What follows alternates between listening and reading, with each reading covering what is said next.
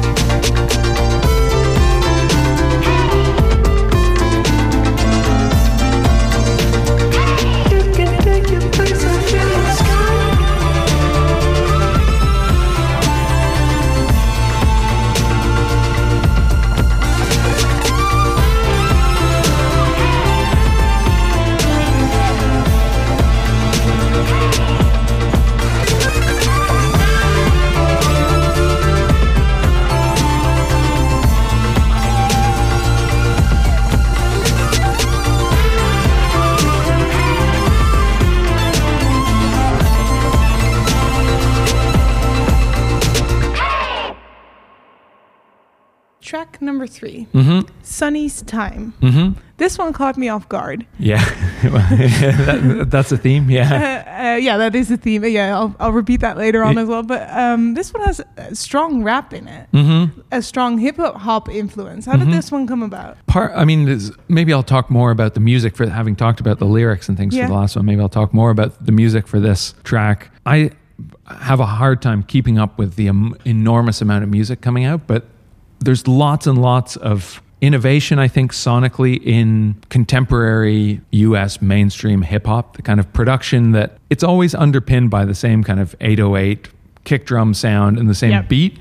But then if you if you remove that element the other parts that are accompanying it mm-hmm. are often like really avant-garde and interesting and weird i find. And mm-hmm. and so th- there's been lots of inspiration from that kind of world. And so this but in a way that you know i wasn't going to do an exact copy of that kind of thing I, you know, I didn't find that super inspiring, ex- exciting, or something that I could add to particularly. Yeah. Something that references that. So there's this the the motif here is this this kind of piano riff. Yeah, that I- it's framed in the piano motif. Yeah. yeah, and I and I uh, another thing it's it's a not a real grand piano. It's a kind of a software Ah, version of a grand Yeah. piano, which allows me to do that this kind of pitch bending, Yeah. woozy feeling that you get from the song. It's everything's kind of shift. The pitch Mm-hmm. is shifting unexpectedly, which I like. Again, it's kind of a very a grand piano is the most familiar sound in music Yeah. almost. Yeah. And then to do something that makes it unfamiliar and di- disorienting. Yeah. Uh, and that's the kind of thing that I hear in mainstream US. You know, some sort of instrument that sounds familiar, but then it's been processed or Yeah. digitally manipulated in a way that you're like, I haven't heard that before. Uh, and so that, I guess that was part of why this, then there's this kind of unexpected shift halfway through the song to s- spoiler alert. um, and the, rather than you know actually a lot of people in the ca- same kind of world that i make music in i don't know people like james blake or whatever Mm-hmm. Yeah. have got travis scott on their single i didn't feel like that was something i wanted to do because it's a kind of prevalent thing that people are already doing but this instead i've taken uh, hip-hop a cappella which will remain nameless for legal reasons I was Uh, wondering that. yeah. Okay, yeah. uh, and chopped it up into almost the kind of atoms, the molecules that it's made of, and reordered it. So it's incomprehensible. You can't Yeah, understand no, what's I- being said or anything, but you get that reference to that world and that. that yeah, I've sat there trying to figure out what was being said, but I couldn't get it, and that no, makes yeah, sense. Yeah. yeah, yeah. okay, let's give give everyone a try to see if they can get anything out of there. Sure. this is Sunny's time.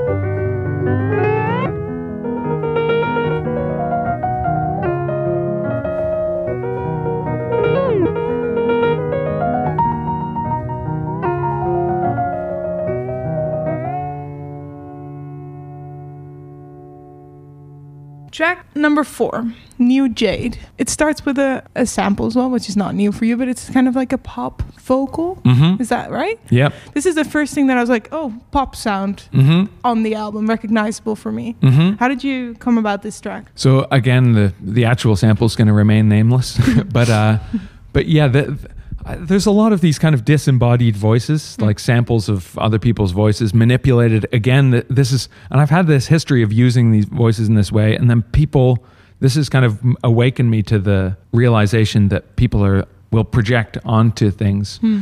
Uh, I don't know what this vocal's saying, hmm.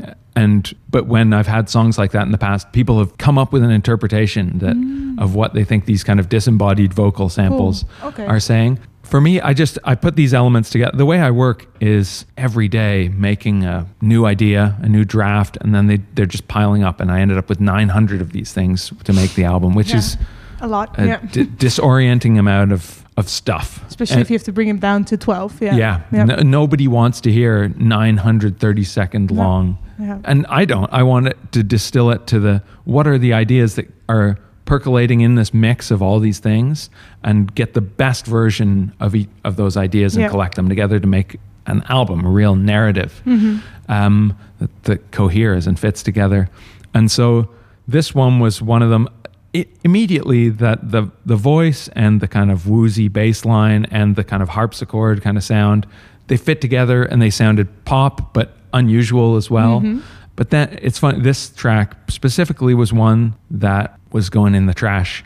And it was that that I had that initial loop and I rely so heavily that I get lost in this having so much music to choose from and tr- the process of whittling it down or selecting it down, editing it down to an album.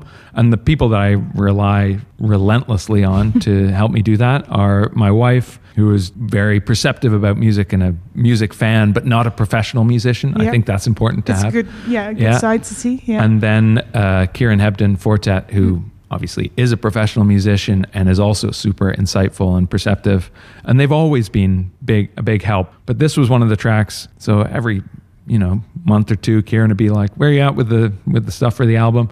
I'd say, "Come on over and have a listen." I'd play him a bunch of things, and he'd be like, "Yeah, yeah, okay." There's things starting to happen. This is you know pretty early on in the in the process.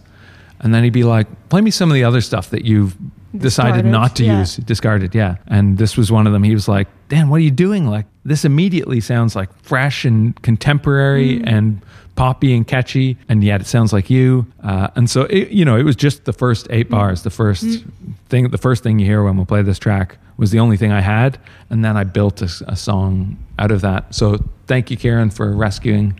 It's one of my favorites actually on the album uh, in the end. So thank you for helping me uh, see that it was worth worth finishing. That's Seeing the potential. Yeah. exactly yeah. All right, let's listen to New Jade.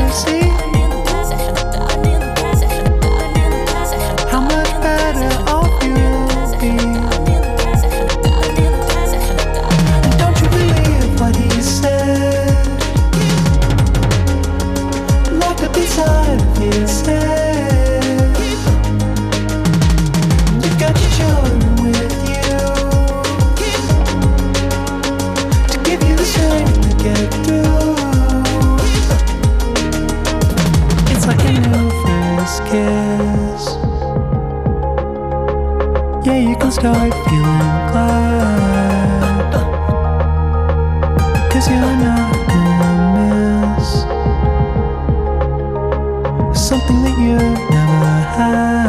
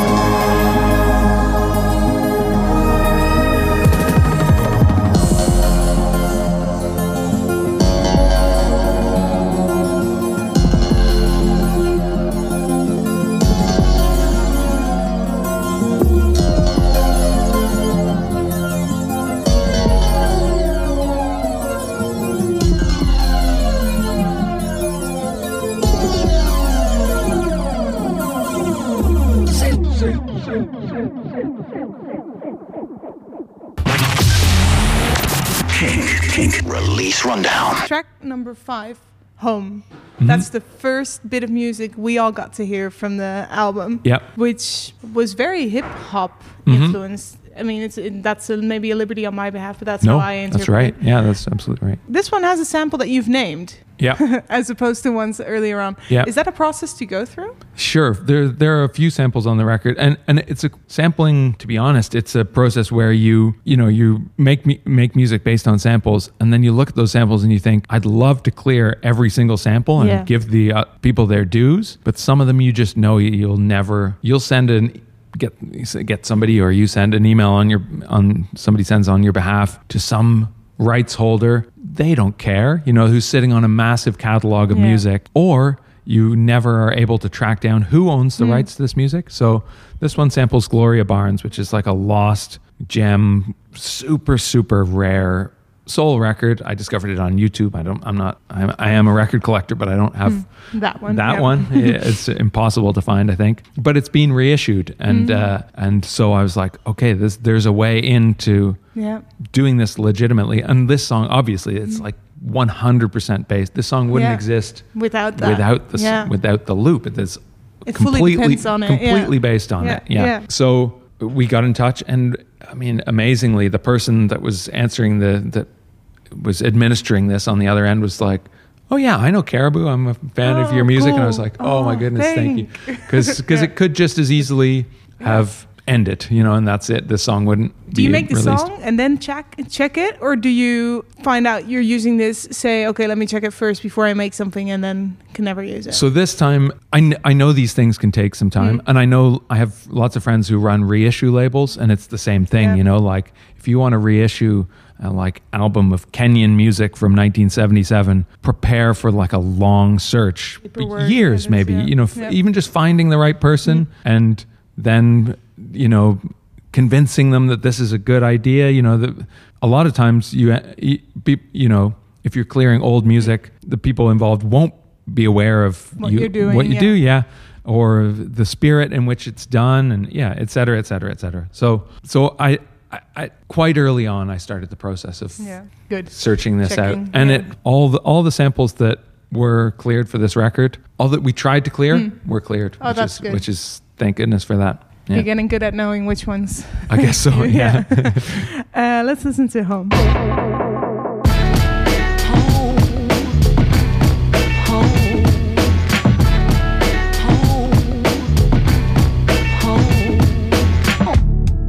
She does just what she pleases. Cause she's happy on her own. And she picks up all the pieces. She's going home. Baby, I'm home, I'm home,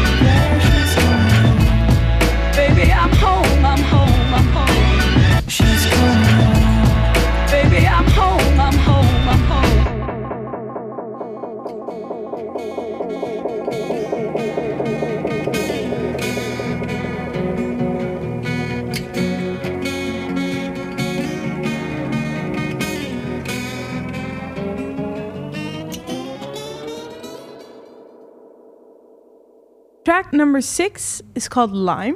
hmm I think this one is the one that you've talked about it before. That mu- the music on this album goes left, right, center, Mhm. upside down. hmm Um, but this track, after two minutes, hmm it, it I was listening to it and it threw me for a loop because I was like, "What are you? Where is this? Go-? It's fully on a Mhm. different like uh, plane, basically." Yeah.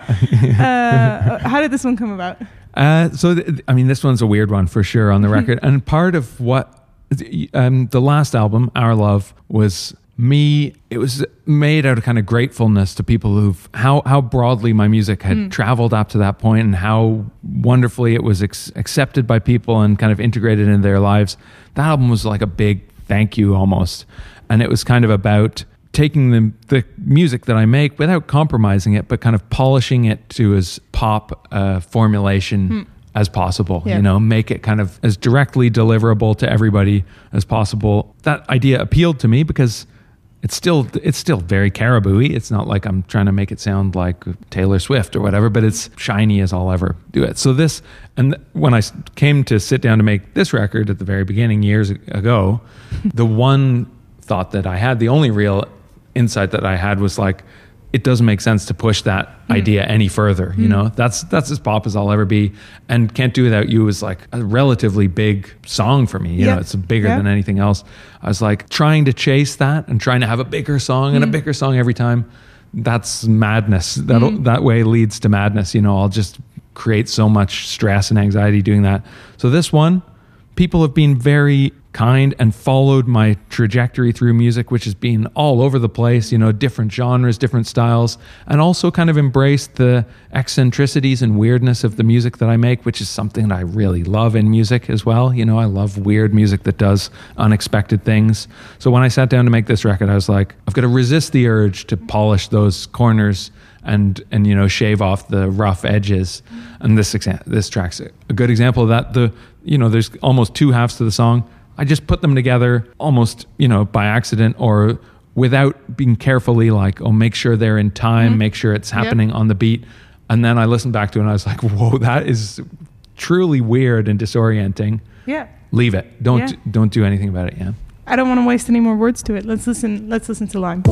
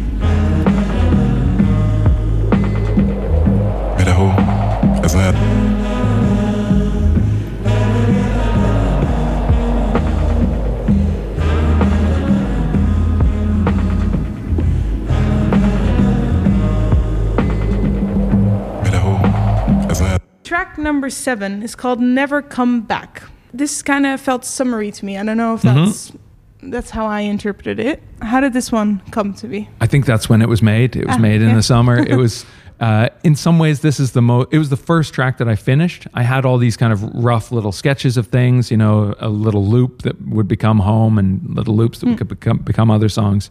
But this one, in some ways, it's the most familiar for people who know our love. It's Yeah. like kind of pop dance, caribou Yeah. music. Yeah. Um, and and I made this track in the bulk of it in one day and then finished it in the next couple days and then you know little tweaks later on obviously but uh but it was finished very quickly and it was the first one to be finished Ah, and okay. gave me a feeling of like oh i have a finished track you know that w- I can do a lot of the process is like am i ever going to finish this Yeah. record especially you can imagine if it took so long um, there are a lot of moments of thinking that um, so to have this one done and also i was like you know this is very familiar to people but i think that's okay because look at all the other stuff that i'm making. It's so diverse and Yep. weird and and it'll be good and you know it this song made me happy made me happy to make it made me Hmm. Happy to listen to it. It's got that kind of allure to it. So i was like this will it'll be good to have something that's a bit familiar to me to people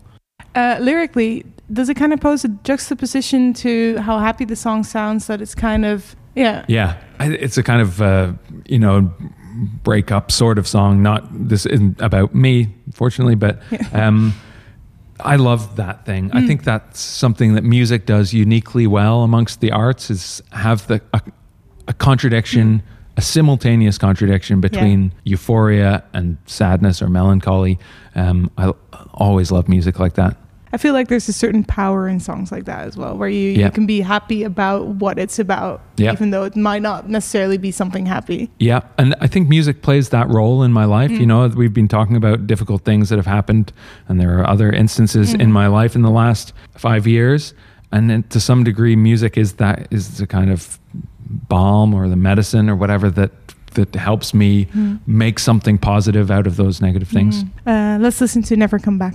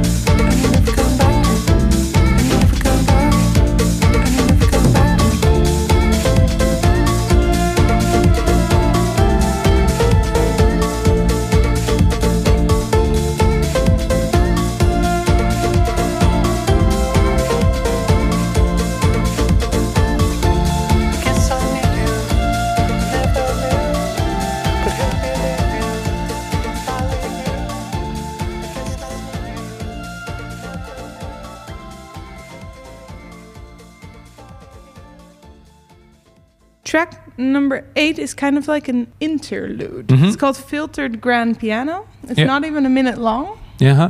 It seems like it's literally a filtered grand piano. it is. Yeah, except that it's the software version of a grand piano. Yeah. But it is. Yeah, Yeah. yeah. Why is it on there? Why is it on? So this this was again um, input from Kieran because I had all these tracks, and this is this kind of track is never the thing that you're like, oh, that's important that that's on there. It's going to be a single or whatever. Kieran and I were sitting with the tracks and trying to get the ebb and flow and the An kind album, of pacing yeah. of the album.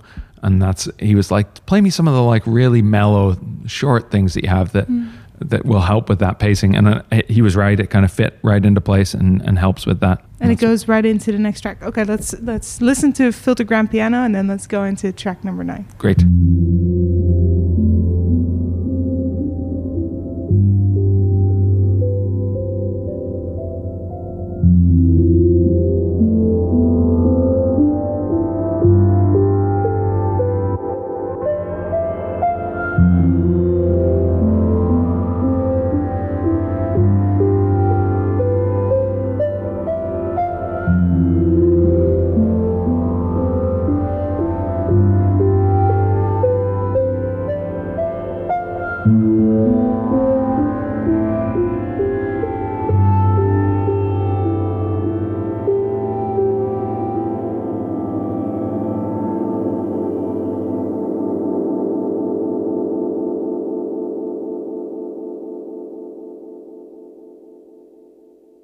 Track number nine is Like I Loved You. hmm This one, I mean, like you've mentioned with foreign tracks, it kind of switches pace and, and direction halfway through. hmm Um, what is this one about?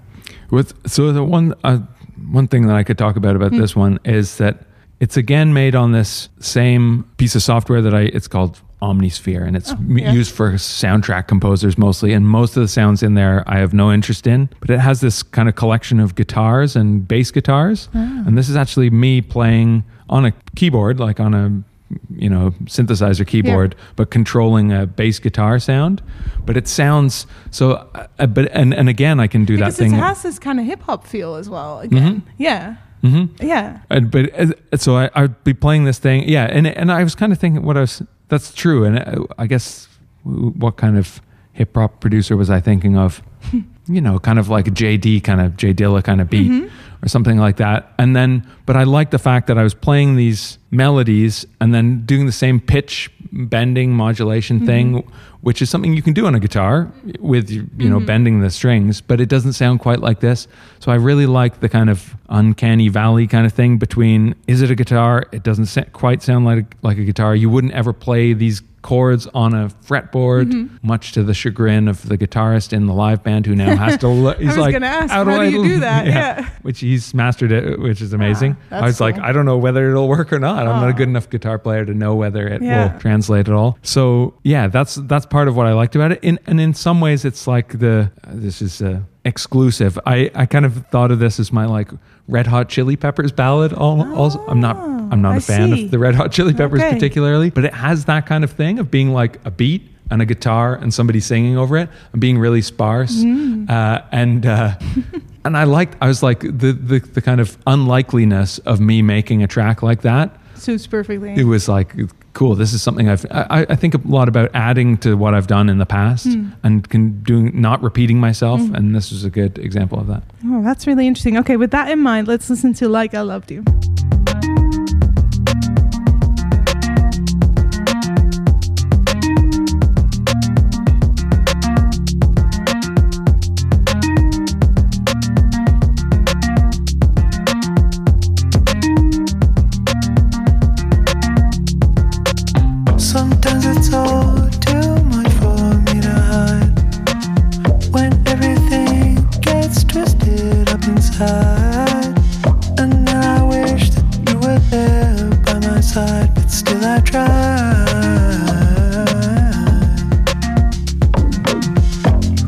Someone else, I'd be glad for you.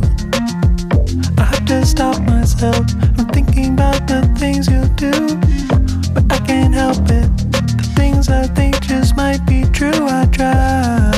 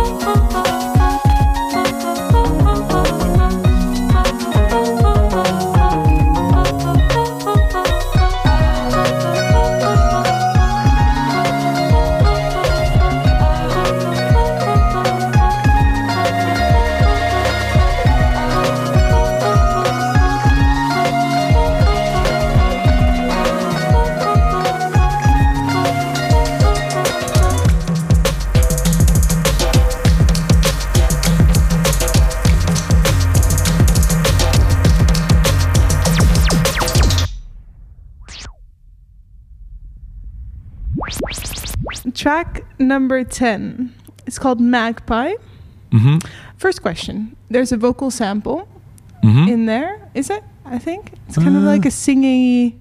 I feel like it's saying Julia. It might be very oh no, that's me singing. Oh, that's, me you. singing. Yeah, Oh, yeah. Okay. The reason it doesn't sound like me is I kind of recorded this song. I, I slowed it down and recorded the singing and then sped it back up, which is a classic kind of studio trick. see, I but see. it sounds like yeah, a, a different I version thought it of was me. a somehow. woman. Yeah. Okay, Yeah. interesting. Yeah. Um, what is it? Do you know what you're saying, or are you just making sounds? Yeah, no, this song is about something very, again, sad and specific. Um, we, um, in 2005, uh, we started working with a sound engineer Yeah. um, who toured all over the world with us. And we met him, uh, we met, she presented as a man at that time. And then during, we became really close friends. And then at some point during the, the years of touring together, she said, I've got something to tell you and everybody. Uh, you know, I'm trans and I'm going to come out as trans and transition during the time that we were on tour together. Um, and this is going to be probably pretty intense and there are going to be difficult moments because Yeah. we're like going on tour in Kansas and, you know, like really Yeah. places where we're getting out it and it going into a quite- truck stop. You, you don't know what people's reaction to that Yeah. kind of thing is. Um, people aren't as open minded and accepting as they are in big cities potentially or, or whatever, uh, you know. Okay, yeah. Um, so I, you know, we were we had always got along really, really well, but that experience and a, being a massive educational experience for me as well, like learning about the reality of what it's like to be a trans person living in the world in America and Mm. and and try making those having to make those decisions every day like Yeah. do I, uh, in the beginning of transitioning, like, am I brave enough to present as my true self Yeah. today when we're crossing the border and there's going to be people looking at my passport, which shows a picture of me Yeah. looking like a man, but that's not who I am? You know, it, all these kind of very practical thoughts. Hmm. So we became very close during that process, even more so than before. Tragically, a couple years after that and, and, and seeing her flower and become you know so liberated by this experience her- comfortable exactly was wonderful. Sadly then a couple years later she got cancer and died very quickly. Uh, and you know i was at her bedside like the night before she died and it was this really difficult difficult thing. And this song is is almost a letter to her. I'm not spiritual. I don't like believe that i can communicate with her or that she exists in some in some way that i can communicate with but i wanted to write this this note. It's about a contradiction again in the last in the years since she's passed kind of uh, and because something we'd always talked about is like how little uh, how poorly understood being trans was Yeah. in our culture and that's changing i mean it's not by any means perfect and i'm sure it's ex- still extremely difficult to be trans in our society but the amount of coverage it gets in the media and it's become yeah. awareness is like completely different from five years ago Yeah. that's it's uh, Which is beautiful, which yeah. is a great thing Yeah. and so uh, the, the lyrics are telling her you'd be so happy to see that that has happened because I know how important that was to her. But then you'd also be so upset to see, you know, the political climate. She- was very left leaning, which makes sense if you're in a marginalized community like that. Um, and to like be, she would have been live. She's was living in America. She would have been living in Trump's America. So this whole the contradiction of how, How the world is doing and how she would view it. yeah, Yeah. yeah. So that's what it's about. Let's listen to Magpie.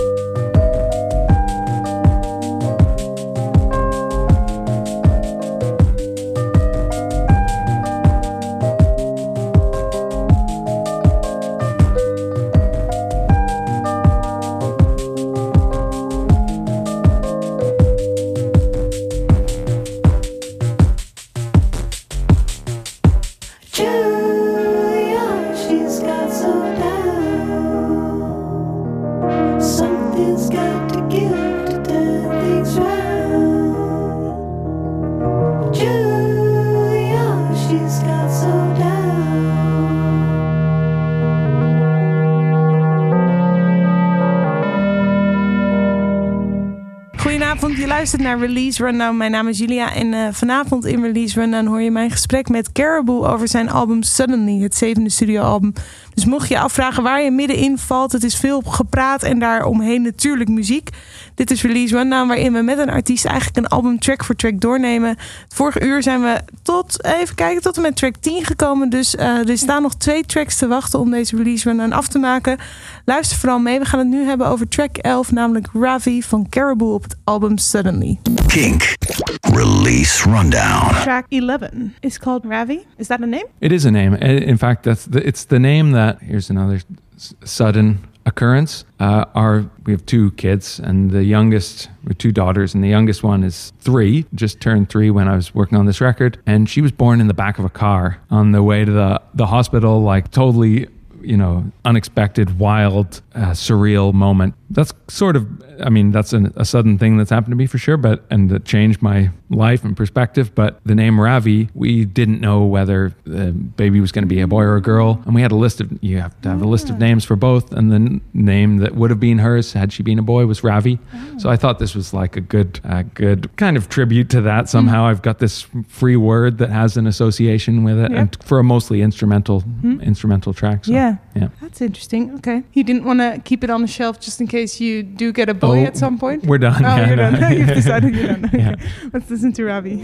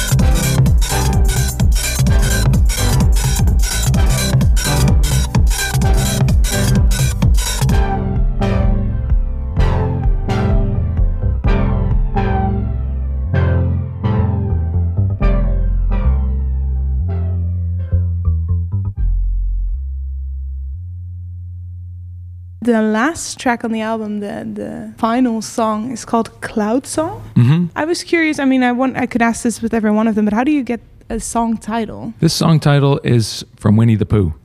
Uh, there's a story where he's, and it doesn't really have to. Any this story doesn't have anything to do with the content of the song, but there's a story where he there's some bees making honey at the top of a tree, Yeah. and he has to get a he gets a balloon and kind of floats Yeah, up yeah. and pretends to be a cloud, and he sings yeah. a little cloud song. He writes a little cloud song. So this was a story that I was reading to my kids. Obviously, that's where it came song from, but also the textures and the there are these kind of synths that synthesizers that drift in and out unexpectedly in the middle of this song. And I just thought it has a kind of cloud like floating character to it. So that's where the title came from. I think um, because in the beginning there's quite a few like staccato notes going Mm-hmm. up. It kind of in my head, but it's also because I had the title in front of me. I saw someone jumping up and down the different levels of clouds, and Mhm. uh, it's funny how that can do that with your imagination when you have one title like that. Absolutely, yeah. Yeah. It's an amazing thing the way people draw those, and that's why even those these songs are about very particulars, personal things. Mm. I, I want to leave some room for people to Interpret. interpret and make them their own and Mm. have them be their own things as well. So You said you consciously musically uh, sought out that Sister and Cloud song kind of tied in together. Yep. Which one? Sister was the last one, right? So you started with Cloud song y- sonically. Yeah, the, Yeah. the cloud song was uh, there in kind of in utero and draft form very early on in the process. Yeah, Mm. Um, do you want to share what this is about? this song is about um, it's a, again, it's about kind of accepting, and it's not particularly a misanthropic song, but it's a it's about mortality. It's about realizing that, really kind of having to deal with that and thinking about that with respect to myself, with respect to my parent, and and a real common theme for me on this album and in my experience and being of the age that I am. My parents and my wife's parents thankfully are all alive, but they're elderly. We've had Yeah. various health crises with them, and they need our support in a way that they didn't used to in the last few years. And simultaneously, we're caring for our children. We're kind of in Yeah. be- in between those two stages of life, and you know, and reflect that that just inevitably leads you to think about these issues about people, you know, children experiencing things for the first time and having no not a care in the world mm-hmm. about the trajectory of life and the fact that we're all mortal, etc. and then thinking being in between that and our parents who are coming to the ends of their lives and Yeah. thinking about what's important for them to do with the time that's left to them and things like that. So some of those things are percolating around in this in this song. Let's listen to Cloud Song, the last song on the album.